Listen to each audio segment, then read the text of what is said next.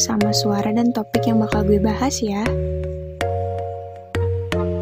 Teman hidup, teman perjalanan menuju kedewasaan. So, langsung aja malam ini gue bakal bahas mengenai hubungan yang toksik ngomong-ngomong mengenai hubungan yang toksik ini, lo bakal sadar ketika udah makin parah. Parah di sini di mana? Jadi kalau misalnya hubungan kalian tuh udah lama dan toksik ini tuh makin lama makin parah. Oh iya, uh, sebelumnya kalau lo di sini lagi nggak uh, ngejalanin hubungan atau emang lagi jomblo, ya itu pilihan ya. Uh, tapi nggak apa-apa, lo dengerin aja. Ini bisa jadi pedoman lo nanti saat lo jalanin hubungan sama pasangan lo nanti. Jadi, tok apa sih namanya hubungan toksik ini tuh harus dihindari dari awal hubungan. Kenapa? Jadi, oh apa ya? Waktu kalian udah punya pasangan kalian, kalian tuh nggak akan kejebak lagi sama hubungan yang toksik karena toxic ini tuh kadang ada yang suka juga. Kayak ada beberapa orang yang emang suka kalau misalnya kayak di larang ini itu dicemburuin. Itu seolah-olah uh, lo tuh cuman punya dia doang gitu. Jadi dia tuh ngerasanya lo tuh cuman punya dia doang. Yang lain tuh nggak dipikirin kayak teman-temannya lingkungannya. Itu tuh nggak dia peduliin. Pokoknya yang dia peduliin tuh lo harus ada untuk dia. Itu namanya udah toksik hubungannya. Terus kadang ada juga yang uh, apa dimarah-marahin gitu. Katanya sih sayang kalau misalnya dimarahin tapi itu salah ya. Kalau menurut gue itu nggak banget. Nah uh, jadi hubungan toksik ini tuh sedikit demi sedikit lama-lama jadi bukit. Jadi awal-awal tuh nggak akan kerasa. Tapi apa ya? Kayak lo tuh kalau misalnya ada yang enggak nyaman dalam hubungan lo tuh lo lebih milih ya udahlah ya ya emang gini. Kalau misalnya punya pasangan tuh ya emang kayak gini. Tapi lama-lama hubungan ini tuh berjalan kayak lo tuh bakal mikir uh, lah kok jadi beda ya? Kok dia jadi gini ya lama-lama makin berubah, lama-lama makin cuek, kok dia berubah banget, gak kayak dulu. Nah, hal-hal yang kayak gitu kenapa bisa terjadi? Intinya karena lo belum belajar. Kita tuh gak tahu, kalau kita makin lama ngejalanin hubungan sama seseorang, bakal banyak juga perubahan yang terjadi dalam hidup seseorang itu tersebut. Um, Sebenarnya masuk di akal, karena nggak mungkin kan kita ngarepin sama sifat orang yang sama gitu-gitu aja. Nggak ada perubahan sama sekali. Apalagi setelah beberapa tahun kenal sama dia, kalau nggak ada perubahan, nggak mungkin juga kan ya. Karena tiap orang tuh akan bertumbuh dan pertambahan umur itu akan menambah juga kedewasaan atau yang makin parah kayak anak-anak kita nggak mungkin secara dalam waktu beberapa tahun nggak ngalamin perubahan dalam hidup. Sementara oh, selalu ada perubahan, selalu ada hal baru, selalu ada sesuatu yang ngebuat kita bertumbuh. Bertumbuh ya ibaratnya jadi dewasa mungkin. Yang awalnya tuh nggak kita sadarin. Dulu pas kita pikir waktu PDKT karena masa-masanya indah banget ya. Apalagi yang sekarang nih lagi ngerasain yang namanya lagi PDKT pasti gak ada yang cacat dari dia. Pokoknya semuanya indah aja. Terus lo pasti bakal ngerasa uh, dia tuh manis banget, dia tuh romantis banget. Terus gak kebayang lah nanti di ujung jalan ternyata bisa bikin kita jenuh sama hubungan kita sekarang nggak kebayang lah. Jadi kayak apa dia tuh nggak memenuhi ekspektasi kita dalam menjalin hubungan. Yang ternyata setelah beberapa waktu terus ngerasa oh ada perubahan dari dia. Jadi nggak kayak dulu. Ya kan lu sering dengar kayak gitu. Dan nggak sekarang apa uh, apa ya kayak lo tuh bisa ngerasain itu ketika lo udah kenal lama sama dia. Gue pernah kayak curhat gitu ya sama diri sendiri. Uh, dan bilang kok dia nggak kayak dulu sih? Dan gue sadar kenapa gue pengen dia tidak sedewasa sekarang atau malah kebalikannya. Kebalikannya tuh jadi kayak lebih parah Cuman setelah gue sadarin hati gue, pikiran gue, jadi seperti dulu tuh nggak menyelesaikan masalah juga. Karena kalau lo pengen dia kayak dulu, berarti uh, lo pengen kekurangan-kekurangan yang ada di dirinya itu balik lagi. Dulu tuh mungkin lo ngerasa dia yang terbaik. Tapi semua itu karena dia masih bodoh, masih alay. Gue baru sadar waktu umur berapa ya? Sekitar 18 tahunan. Gue punya pemikiran, dia tuh terbaik. Lo bisa bayangin kan? Anak umur 18 tahun udah menemukan cinta terbaiknya. Saat sekarang gue mikir jadi ngakak sendiri bocah umur 18 tahun udah mikir sejauh itu. Karena kita kadang salah paham antara apa itu terbaik dan apa itu tepat. Buat kita, uh, apa buat apa tepat buat kita gitu ya. Karena yang mungkin ngerasa itu terbaik buat kamu, cuman sebenarnya cuman tepat aja karena kamu masih bodoh, dia masih bodoh, kamu masih alay, dia juga masih alay, karena masih belum berkembang dengan baik tuh otaknya, masih blow on, belum jadi yang sedewasa sekarang. Terus dulu gue juga pernah gue sama mantan tuh ya otaknya emang tepat aja gitu. Digituin sama dia. Jadi gue berpikir sekarang udah jalanin hubungan bertahun-tahun sama dia tapi gue pengen dia kayak dulu lagi. Gue salah ternyata. Punya pemikiran itu tuh salah. Itu sama aja gue pengen dia balik lagi alay.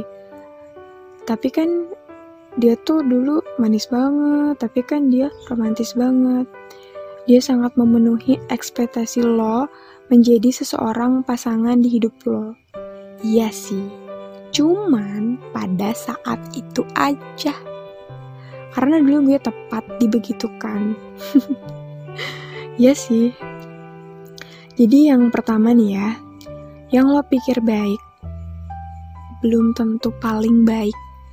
Bisa jadi cuma karena kalian tepat aja satu sama lain. Karena setelah beberapa tahun, lo jalanin hubungan, lo bakal tahu true colorsnya dia, sifat realnya dia, serta kepribadiannya dia, aslinya dia tuh kayak gimana lo pasti bakal tahu. Dan karena lo semakin tahu tentang dia, lo bukan harus jadi kayak ngejudge ke dia. Lo dong kayak dulu lagi. Tapi lo harus beradaptasi sama perubahan-perubahan yang ada pada pasangan lo, yang ada pada hubungan lo ke depannya. Jadi ke depannya tuh perubahan tuh bakal terus terjadi. Kayak gue yang udah pernah menjalin hubungan bertahun-tahun, itu tiap harinya selalu belajar dan banyak yang gue belum ketahui dari dia. Awal-awal gue mikir, terima kenyataannya. Ya, yang akhirnya juga gak cocok, tapi kan nggak semua hubungan itu kayak gitu. Ada juga yang emang mereka tuh menuntun pasangannya untuk uh, saling mengerti satu sama lain. Jadi yang tadinya tepat jadi ya saling saling apa ya? saling menuntun pasangan lo untuk bareng-bareng belajar bareng peru apa menghadapi perubahan-perubahan dalam hubungan lo tuh bareng-bareng. Tapi sampai sekarang gue belajar dan gue harus terima kenyataan juga. Namanya? Karena karena ada orang ketiga itu nggak bisa dipungkiri ya. Namanya juga takdir. Meski udah saling toleransi dan kompromi satu sama lain, ya emang nggak bisa dipertahankan lagi. So, menurut gue pribadi, inti dari sebuah hubungan itu adalah selain komunikasi yang bertumbuh, uh, kalau lo menolak untuk bertumbuh bersama, lo menolak untuk belajar setiap hari, lo pasti bakal nemuin titik jenuh. Lo bakal nemuin dia berubah dan gak sesuai dengan ekspektasi lo lagi. Dan itu kurang pengetahuan untuk mengerti bahwa hubungan tuh nggak sesimpel itu. Apalagi dengan bertambahnya umur. Udah banyak tekanan, pengen ini, pengen itu. Kerjaan lo ribet, terus lingkungan lo ribet. Atau segala macam lah, makin banyak perubahan yang terjadi, lo nggak bisa beradaptasi uh, atau pengetahuan lo tuh kurang. Lo nggak belajar tentang apa ya tentang hubungan ya lo bakal nemuin jalan buntu di hubungan lo. Dan ini yang bakal buat lo menderita. So sebelum terlambat belajarlah. Apa pun bahasa kasih sifat satu sama lain lo gampang tinggal cari artikel. Tuh di Google searching aja gampang kan? Cari cari podcast kayak gini lo bisa share nih ke pasangan lo kayak gimana. Terus kayak cari buku cari YouTube channel yang bisa bantu buat kalian tuh kayak uh, apa ya kayak nyari informasi untuk belajar belajar dan terus belajar ya intinya kalian harus belajar lah nah kalau belajar bareng-bareng ya jangan sendirian nanti yang satu pintar yang satu bego lagi Nah terus kayak chat kalian kasih tuh chat baru, bukan kayak kamu lagi apa, udah makan belum? Itu chat-chat PDKT. Tapi kalau misalnya untuk hubungan yang udah gak lama, itu udah gak terlalu penting. Yang kalian tanyakan itu harus sesuatu yang baru dari dia. Belajarlah soal bahasa kasih, uh, apa ya? Ternyata cewek sama cowok tuh beda. Jadi diperlakukannya juga beda. Menjalin hubungan yang sehat itu adalah bertumbuh bersama. Kalau kalian ingin jalanin hubungan yang kayak dulu, yang alay itu, yang menyebalkan itu, ya udah, kalian cuma harus menerima penderitaan, penderitaan yang bertubi-tubi yang hadir di hubungan kalian. Karena menurut gua setelah bertahun-tahun menjalin hubungan ini, orang yang masih terus-terus marah, masih terus-terusan emosi, dia emosi lo balas lagi emosi, itu cuman karena dia belum mengetahui cara mengekspresikan kekesalannya dengan cara yang lebih elegan. Daripada sekedar emosi itu malah bikin hubungan lo tuh makin toksik.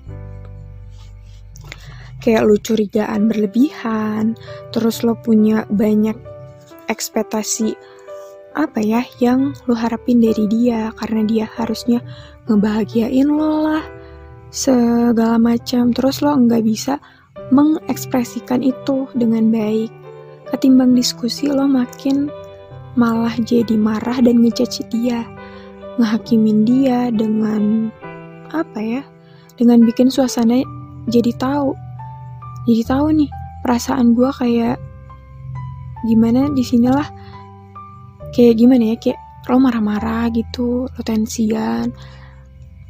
Jadi malah kayak keegoisan itu tumbuh di situ bukannya kalian jadi makin baik malah keegoisan kalian itu akan tumbuh sedangkan orang yang belajar orang yang mengerti ketika kita emosi kita nggak boleh mengeluarkan statement apa-apa sampai lo ngerasa tenang oh iya gue lagi emosi nih. Bentar deh, gue harus nenangin diri dulu. supaya bisa berpikir dengan jernih, supaya nanti gue bisa nih diskusi sama dia. Nah, ini kedewasaan itu akan bikin kalian jadi makin bijak, menentukan sesuatu keputusan, mengekspresikan kekesalan lo dengan cara yang lebih baik lagi, dengan cara yang lebih elegan. Cobain deh. Cobain untuk tidak emosi, untuk mengurangi toksik di hubungan kalian. Apa pun masalahnya, ya gue rasa penyebab lainnya dari toksik ini yang ada di hubungan kalian itu karena sama-sama saling memiliki. Di kayak, dia tuh milik gue. Uh, terus kata yang satu lagi, dia tuh milik gue jadi kalian tuh saling memiliki jadi kayak ngerasa berhak untuk melakukan hal-hal yang sebenarnya nggak boleh kalian lakuin kayak marah-marah sebenarnya kan kalian tuh nggak berhak marah-marah untuk marahin cewek atau cowok lo dan apa sih namanya kayak apa ya kayak misalnya gini nih uh, misalnya cewek atau cowok lo tuh lagi deket sama uh, orang lain. Nah, atau misalnya jalan bareng deh, apakah selalu harus dimarahin? Sebelum tahu alasan dia itu apa ngelakuin itu, atau apakah dengan marah menyelesaikan masalah? Itu pertanyaan karena enggak enggak akan menyelesaikan masalah. Kalau emang kamu curiga sama dia dan cemburu, misalnya harus kamu buat dia tidak mau lagi sekarang uh, apa ya kayak kamu tuh eh kamu lagi lo tuh harus buat dia um, apa ya nggak mau lagi deket sama cowok atau cewek lain karena dia tuh udah punya lo yang lebih baik dari mereka. Beda lagi kalau lo tanya sama dia dan dianya tuh ngakuin semuanya dan lo juga lihat bukti-bukti kalau dia emang bersalah nah itu beda lagi ya. Nah kalau misalnya kayak gitu gue pikir tinggalin aja lah buat apa? Jadi kayak lo perjuangin yang nggak seharusnya lo perjuangin. Capek. Capek diri sendiri. Tapi kalau belum ada bukti apa-apa jangan. Jangan jadi posesif, jangan terlalu toksik, jangan marah-marah ke dia. Bukan dia malah makin bete ya kalau misalnya kalau marah-marahin. Bukannya dia makin ngerasa, hmm, kayaknya gue bener nih. Udah deh, gue selingkuh aja, karena pacar gue nggak bener. Nggak gitu juga sih ya. Cuman kalau misalnya bisa, masih bisa diomongin baik-baik, ya lo omongin baik-baik dari hati ke hati, diskusi dengan kepala dan pikiran yang dingin. So, semua ini hanya kurangnya pengetahuan kita, kurangnya rasa ingin tahu kita akan sesuatu yang buat hubungan kita lebih baik lagi. Gue tiap hari belajar hal baru soal cerita, soal hubungan. Kenapa? Karena gue pernah gagal, melalui pasangan gue kurang belajar menyelesaikan masalah dalam hubungan gue, Sampai akhirnya kandas juga kan. Gak tahu ya, gue kurang belajar atau emang dia yang kurang ajar. Seakan-akan ngomongin cinta tuh kayak hal tabu. Kita pikir bisa dilewati dengan lebih apa ya, lebih dengan let it flow gitu. Padahal enggak ya. Kecuali pacar lo juga begitu. Mungkin kalian bukan sama-sama, bukan yang terbaik untuk satu sama lain. Tapi kalian itu sama-sama nolak untuk belajar. Kalian sama-sama tepat ada di kondisi itu. Gue nggak bisa, gue nggak bisa apa ya?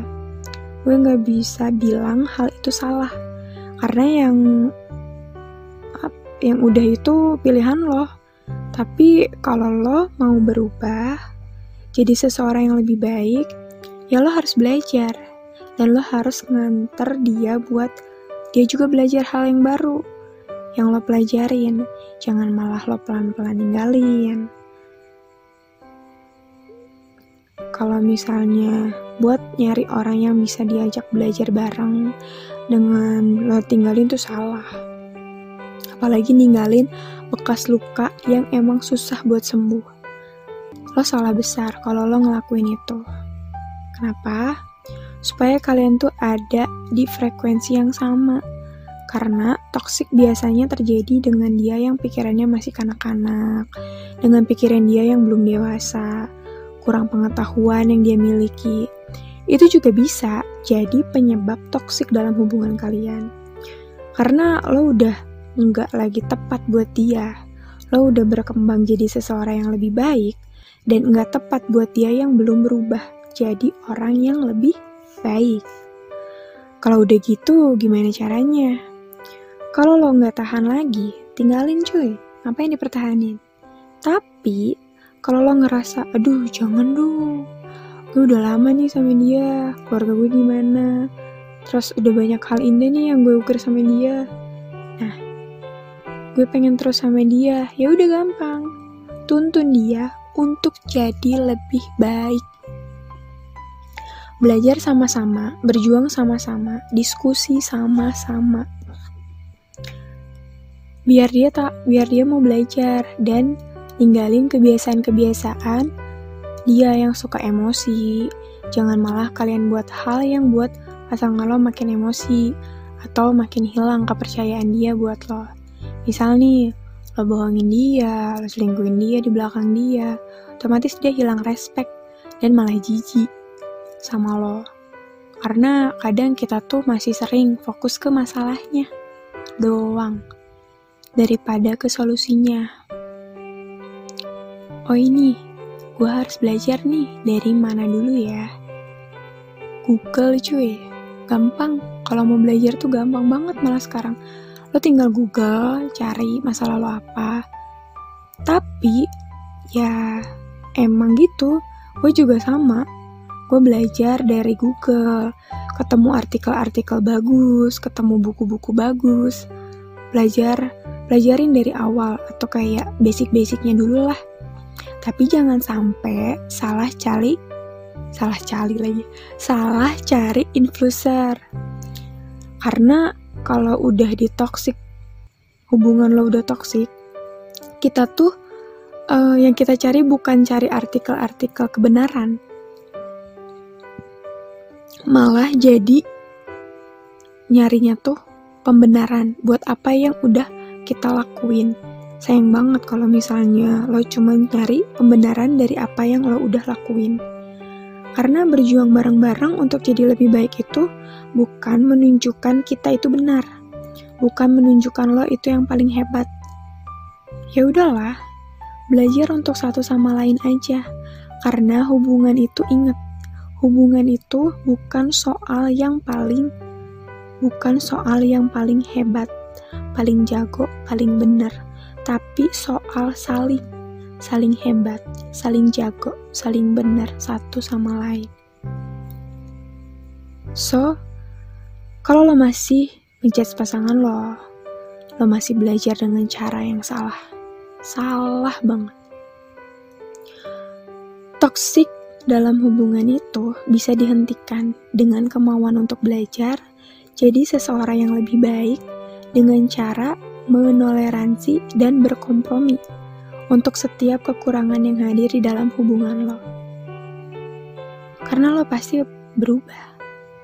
Lo harus peka terhadap perubahan-perubahan yang terjadi di dalam hubungan lo. Jadi, jangan ngarepin dia kayak dulu lagi karena percuma lo udah ada di level yang beda yang lebih dewasa mulai segala sesuatu dengan diskusi. Sudahi setiap emosi yang hadir. Jangan lawan emosi sama emosi. Jadi yang tadinya tidak tepat satu sama lain menjadi tepat untuk satu sama lain. Jadi klop lagi gitulah. Jadi bisa menyelesaikan segala sesuatu permasalahan dengan baik. Karena pondasi yang kalian buat itu udah kuat. Dan gak akan bisa roboh lagi. Jauh bisa bertahan dan tumbuh dengan baik. Lo harus sering belajar. Jangan buat kisah pahit lo sendiri. Lo bisa belajar dari kisah pahit yang uh, gue share di sini untuk membangun kisah indah dan manis untuk hubungan lo nanti. Enak kan? Belajar dari hubungan orang lain, tapi kalian menciptakan hubungan yang jauh lebih baik dari orang lain. Tanpa ngerasain hubungan lo uh, rusak. Atau enggak hubungan lo gagal gitu. Gue tahu kenapa lo apa hubungan lo jadi toksik karena gue tahu lo sayang mati-matian sama pasangan lo yang gue rasain juga gitu dulu gue lakuin juga sama tapi saya itu salah pengen dia jadi yang baik pengen dia jadi pasangan baik buat lo tapi percuma apa yang lo perjuangin ini dilakukan dengan cara yang salah lakukanlah dengan cara yang lebih baik lagi sehingga toksik dalam hubungan ini menghilang dari kehidupan kalian dan jadi hubungan kalian langgeng dan lebih baik ke depannya. Oke, makasih banget udah dengerin. Semoga materi ini bisa jadi inspirasi untuk hubungan kalian ke depannya. Yang jomblo santuy cuy. Gue juga sama, tapi nanti bakal ada seseorang yang lebih jauh, lebih baik yang bakal ngedampingin lo sampai nanti. Jadi selanjutnya gue bakal uh, bikin cerita-cerita lagi kayak gini. Jadi jangan lupa kalian tonton juga di channel YouTube gue ya. Jadi nggak cuman di sini aja, gue juga punya channel YouTube. Nama channel YouTube-nya Reholina Bruginting. Di situ gue bakal uh, apa ya posting beberapa video-video karya gue dan juga podcast yang gue bagiin di sini. Oke, okay? so Selamat malam, selamat tidur, selamat mimpi indah. Bye!